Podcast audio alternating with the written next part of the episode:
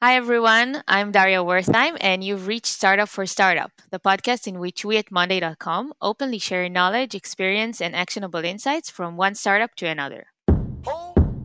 Startup for Startup for Startup.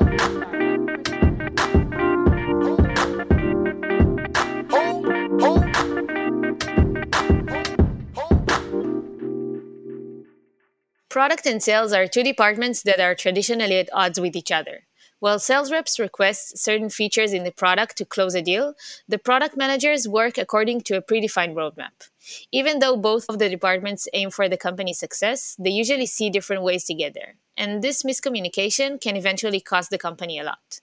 So, how do you align the sales and product departments? How do you build processes that improve workflows between departments? And why having a shared KPI isn't enough for both parties' success?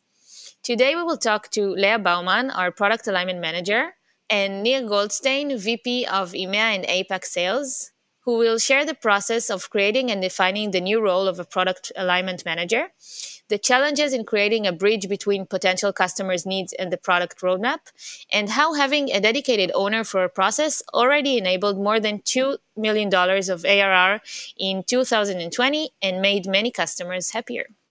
Hi, Leah. Hi, Daria. Hi, Nir. Hi, Daria.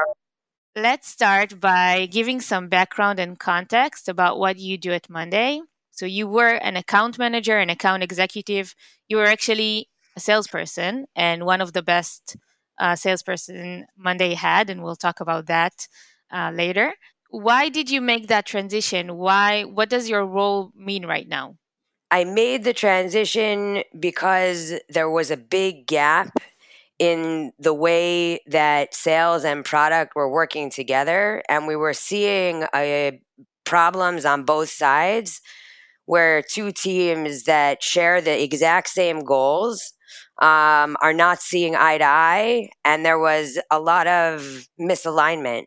So it felt like if those two teams could get more in sync and work better together, the impact that we would have as a team would be much, much bigger than any one person could do on sales themselves.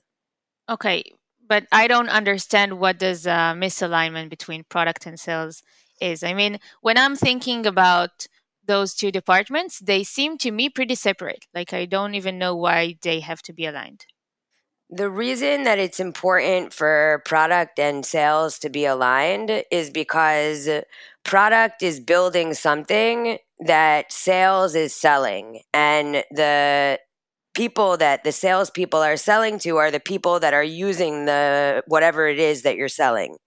And all of the different feedback that comes through from the clients um, that are actually using whatever you're building, the platform Monday, um, and the salespeople who hear things during a sales cycle and know what is pushing people towards your platform and what's making them uh, give you a hard no. And product doesn't have access to this information without a, a clear communication channel with sales. Um, and without that information, the product gets developed in a way that doesn't meet the needs of the clients that you're aiming to have. Right. So it's also, I think it's also about the company's strategy, right? Because maybe if the product team uh, develops features according to what they see, and maybe they think about certain features that are more important. Maybe if the company's strategy is to focus on more on enterprise clients, then we need to focus on completely different features. Yeah. So first of all, there's um, there's a constant friction in any company between product and and sales. Obviously, the the ultimate goal of both departments is the same. We want to grow the company. We want to generate more revenue.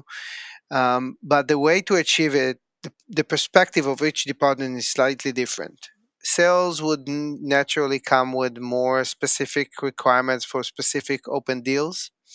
And product they're looking to generalize the product um, in order to address the market and you know uh, build the right product for the company's uh, future.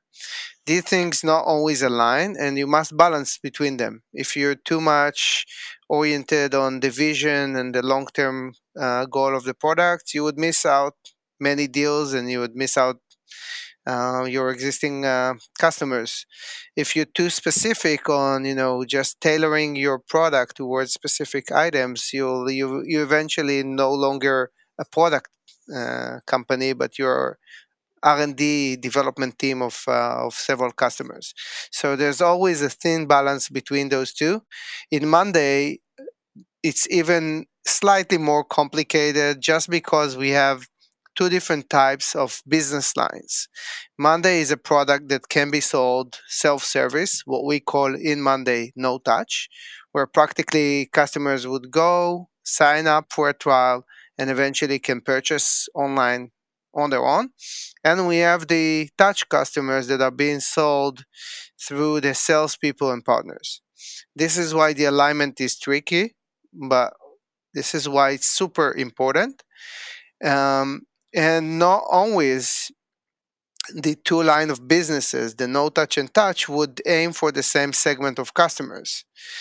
We in the sales group, we we are trying to aim for larger companies, uh, what we call sometimes enterprises, which is not uh, always accurate because we work with a lot of companies that has hundreds of employees and we do have a lot of customers that have dozens of thousands of employees.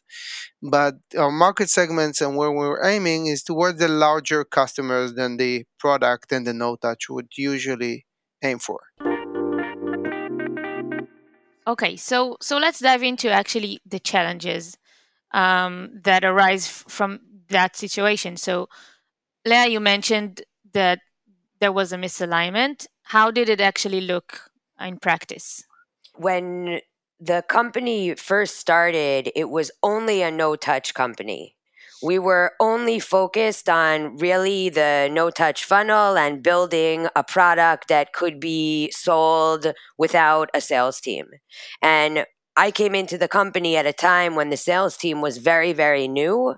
And the whole attitude and mindset of everybody in the company except the sales team was completely focused on the no touch funnel. Um, and so they weren't really building any processes to manage the requests that were coming from the sales team. And the sales team kind of lived in their own little bubble, um, silo, if you will, of um, trying to go after a demographic of client that no other team in the company was really focused on going after. So we felt like we were uh, always not understanding why the roadmap was looking the way it was, why they weren't taking our feedback and and requests into consideration, and they really saw the sales team as sort of like an experiment. So, how did it actually look like? You were having a conversation with a client, and they will tell you, "Listen, we really want to use Monday, but we're missing um, a few features." then what would you do? We would try and ask people from product. It was a much smaller company. There was, you know, only 150 people, 200 people at the time. And you could go and you could ask product and try and make your case. And every salesperson is a lawyer, you know? And uh, obviously, Monday was looking to hire the best salespeople. So you have a lot of salespeople all coming from different directions and like, trying to push their own agenda with product on a personal level. And it was not scalable. Obviously, we had the cheese process, which was originally a cheese process is not something that most companies have. So yeah. So, so in a sentence, explain what it is. It, it's a process that we have in place for putting down small and well defined updates to existing features that take between, let's say, one and three story points. And it's usually something that feels broken in the platform. So, um, UI fixes and little updates that need to be done. Yeah, kind of small upgrades to the platform that will make my life easier if uh, there was just one more button and at a certain point, for example. Exactly. So sales took this process and they just started putting feature requests all over it.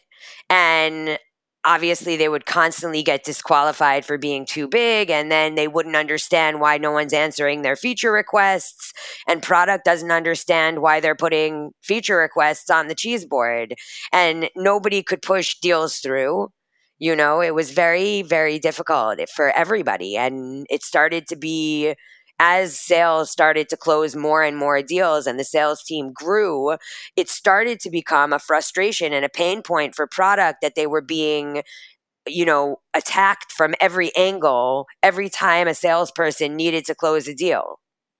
Right. So one thing that i know uh, we did back then was having shared kpis um, where the product and sales team um, decided to have shared KPIs, which made the process a bit easier. Yeah, that's right. Because as as the company grew and matured, um, all sides we we understood that we must collaborate better. Um, there was a, a, big willingness from all sides to collaborate better, and we thought that the first step would be, you know, aligning the KPIs. We th- we we were thinking, and I, I I think it was a wise move. It was a the first move that we had to take was aligning the KPIs of product and and um, and sales. A lot about you know revenue and ARR, which is the ultimate company's goals eventually, and these are the natural goals of the sales team. So we aligned the product KPIs with that, but not only on the on the immediate revenue. We also aligned on things like um, uh, customer retention, customer growth, customer satisfaction, and in order to make sure we're not only being able to close the deals but get our customers satisfied uh, in the long run. This was the first step, but as we tapped more and more into it, and in parallel, the company obviously grew, and the revenue that the touch the touch group um, is generating grew significantly, we understood that having um, mutual KPIs is not enough. We need Why? to tailor because we need to tailor uh, processes around that. If you have if two or more departments would share the same KPI, the same goal, doesn't mean necessarily that they are synced enough in order to take the um, to be aligned on the path and uh, and each side knows exactly what needs to happen in order to reach those KPIs. The first step was making sure that we both aim for the same target, the same goal. Now we needed to figure out how exactly to get there.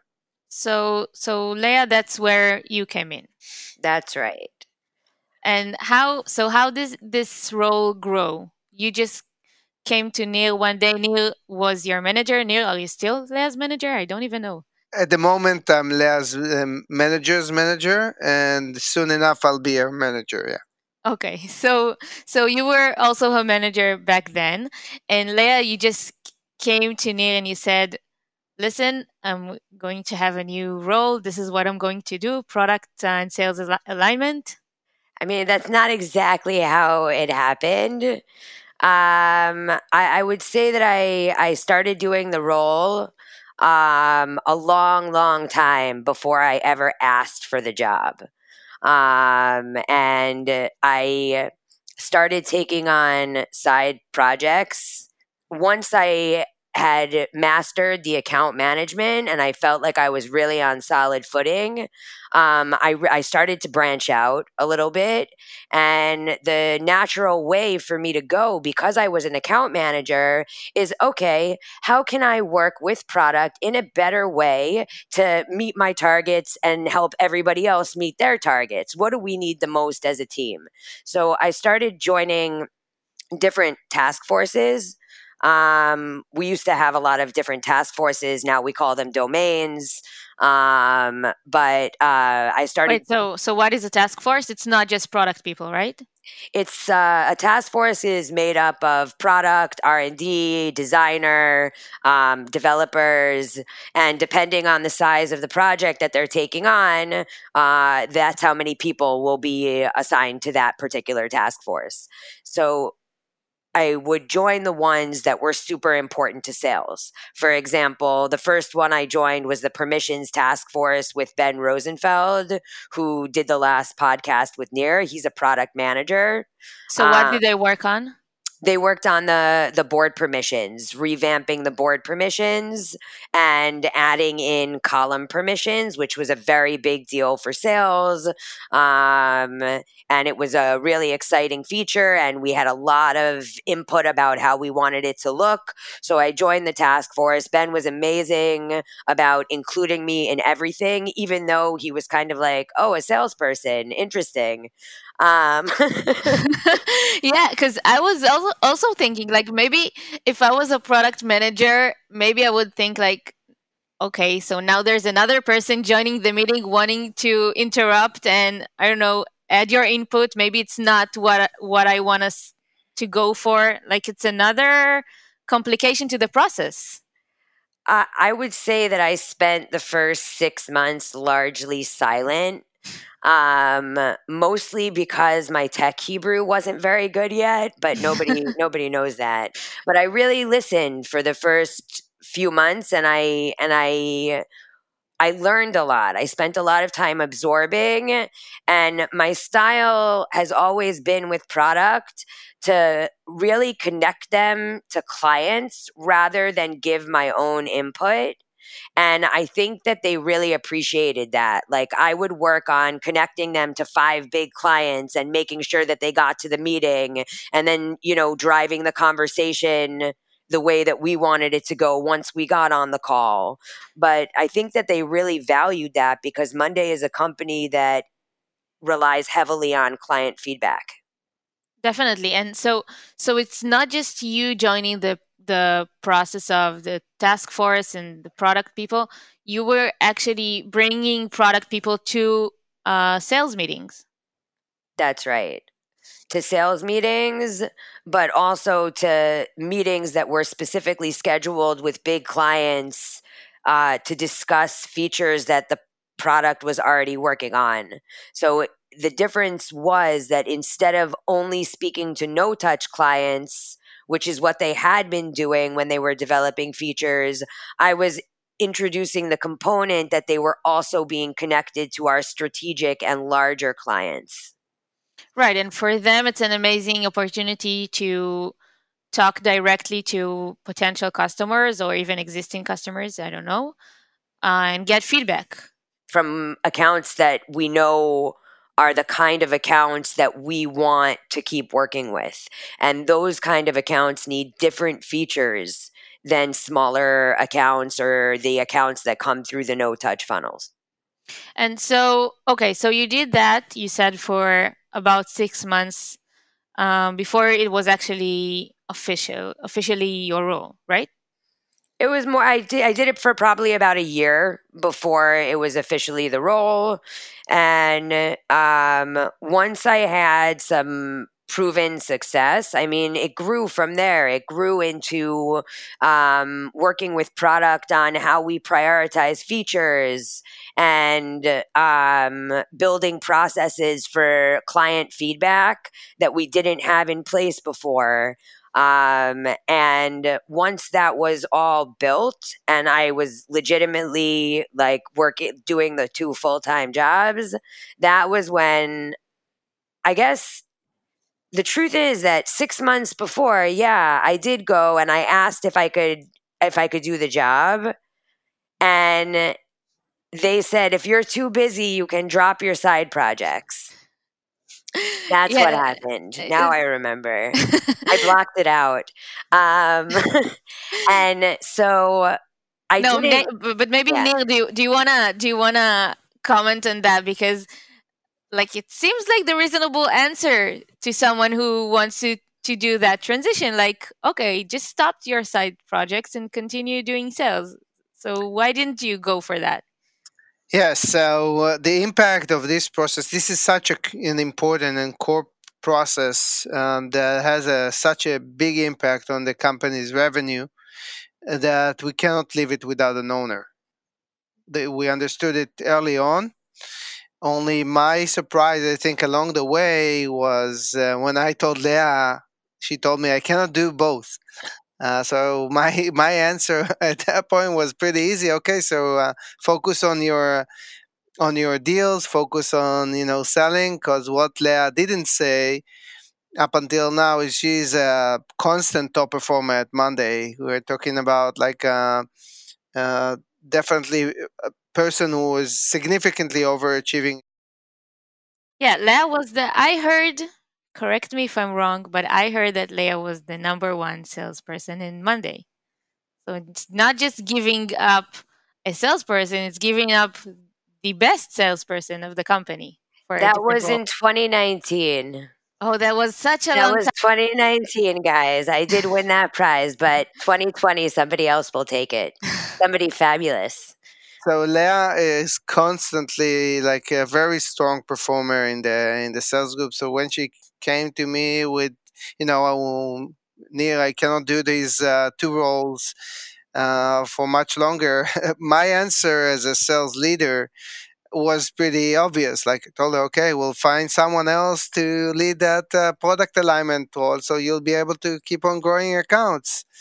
And but we had more and more conversation, uh, conversations, and and I think first of all we we both realized that a this is something Leah really likes uh, to do, and b that the him the potential impact of having this position uh, being performed well is far greater than any sales individual can um, can produce to the company.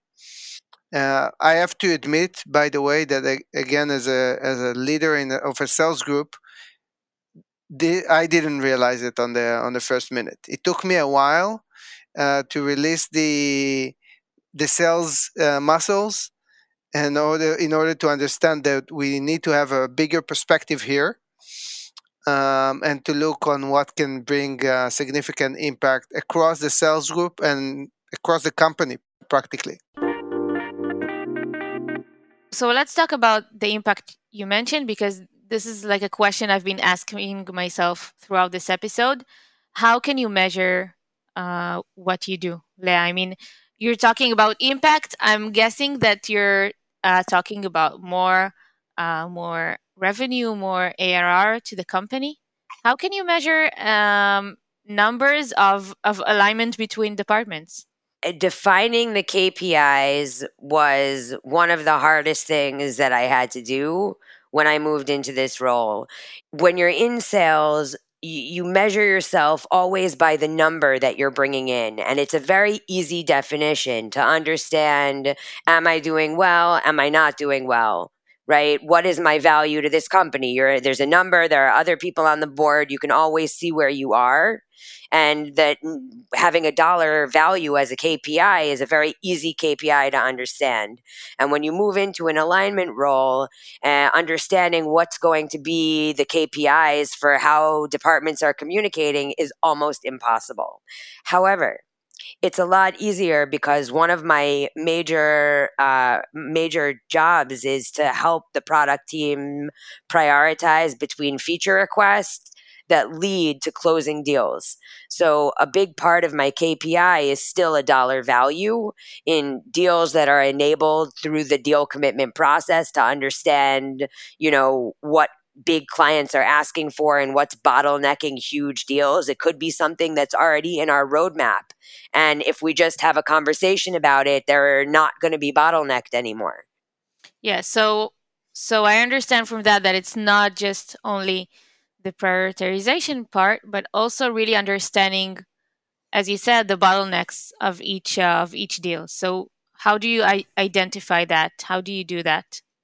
we have a process in place for it. It lives on a board. Anybody can come in. There's a threshold for deal size or how much uh, ARR it's blocking. Um, and we review what the account manager account executive has written and we also jump on a call with the client to dig in. Like uh, we have a qualification process and if it meets all of the qualifications then we get on a call with the client once we've spoken to the client and verified the request and talked about, you know, a long lead time, we take it back to the domain and then you have to sell it. The domain is the product team that works on different areas of the platform. So you have to take the feature to the right domain that works on that area of the platform. And then you're back in a sales cycle. You're just in a sales cycle with the domain now. So, um, do you, you have, have an example that we can talk about um, to show the entire cycle? Yeah, absolutely.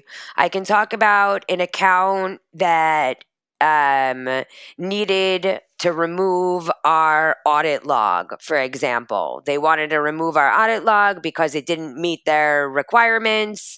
Um, and so we got on a call with the client, we verified the request.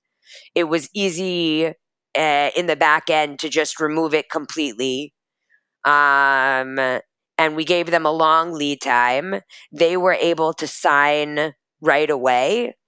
And three months later, we took half by we took half a day and removed the audit log for them. Okay, but you make it sound super easy, and I don't believe you. Ah, uh, no, it wasn't that easy at all. it wasn't that easy at all. First, you have to try and talk them out of it. You know, you have to try and find a workaround. You have to, you know, get past the first person you were speaking to and maybe speak to their manager, you know? And then you have to go back to product, and product is like, why would we do that? Exactly. So I'm I'm thinking I'm the product guy right now, okay? Or woman. Um I don't want to work on an audit log. Like I have a, a clear roadmap. Um, it doesn't seem important to me at all. Like I want to work on other things. Um, so why should I? They really didn't want to do it. um, so that's where the selling comes in, I guess. You know, you have to be able to make a case for it. You have to be able to make a value based case you know eh, they're not going to do something that doesn't make sense and i agree with that so i have to build a data driven case to show why we need this what we're going to lose by not by by not doing it um what we have to gain by doing it and then i take it from there. Right so you actually you can actually ca- calculate the the deal size and show them like this is the amount we're losing if we're not working on uh, this feature right I, I, was about to say first of all yes like uh, this is the way we're calculating the revenue impact but i think there's a bigger gain than uh, from that pro- uh, process than just you know enabling deals i'm saying just this is very important but we get the product to speak with our customers, with significant customers. And when when they do that often enough, first they hear features, requests, or more accurately, problems or pains that the customers are experiencing.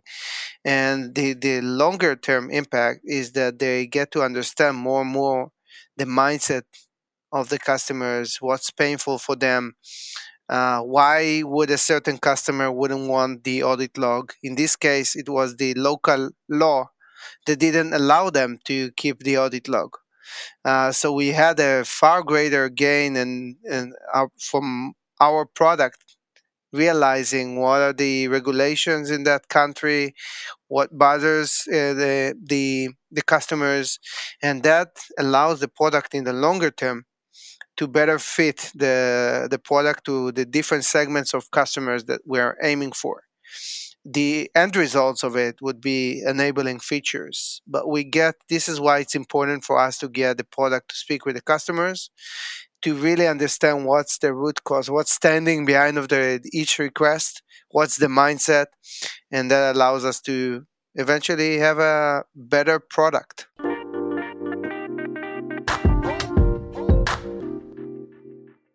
What is uh, still challenging about this role? I, I would say that defining the KPIs outside of a dollar value is still something that I struggle with.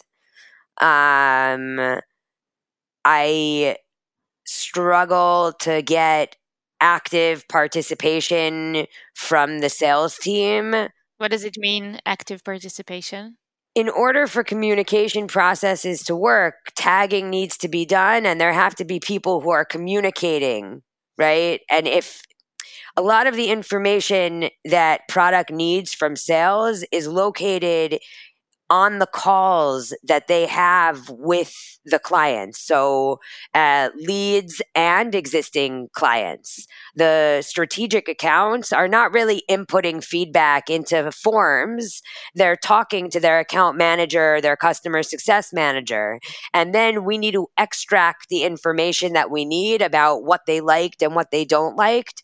Some of it is um, you know, voluntary and some of it is enforced. We have some amazing participation from a really good number of people, but I would say that it's always a challenge to try and get people to tag things and report things. Um, especially when they don't see immediate value to them. Right. You're kind of dependent on their goodwill to to help you do this this job correctly, right? They have to be really detailed on every conversation they have with clients not i don't i agree with you that they have to be detailed and they have to make a point of reporting after it but i'm not relying on goodwill. I spend a lot of a time and i invest a lot into the education of the client facing teams into why we have the processes and celebrating success together with them and showing where the processes had an impact so that even though the reporting and feedback process doesn't impact them today or tomorrow or this month they always know that it's having a long term impact on them. And I think that that has helped. One of my KPIs this quarter was an increase in reporting, and we've seen already the 20% increase that we needed. So um, that's an, also an example for a KPI that is not about uh, dollar value. It's also about um, it's more of a qualitative KPI, right? Yeah, I think that another challenge that Leah is facing and probably continue to face in the near future and, and even after is being a translator between sales and product in terms of, you know, the salesperson would think, hey, why is my, my feature the features I'm requesting aren't like prioritized. I really need to close that deal where product would say, "Hey, why there these guys from sales are constantly, you know, messing up with their with our priorities in the roadmap?" Uh, and as we said earlier on, both things are important, and Leah needs to show both sides, the sales and the product, the trade-offs that each decision has, and find the. She's like the negotiator, finding the the uh, best route to make uh, everyone satisfied as much as possible. That it's like always balancing between those uh, two teams and uh, helping those two teams to take the same path to the um, joint goal. This is a big challenge that we'll constantly face, I guess. One last question is um, if someone is working um, at a different company and is experiencing similar challenges to what we we talked about. Um, and to you know start doing this tomorrow morning work on on this alignment what should they what what should they begin with?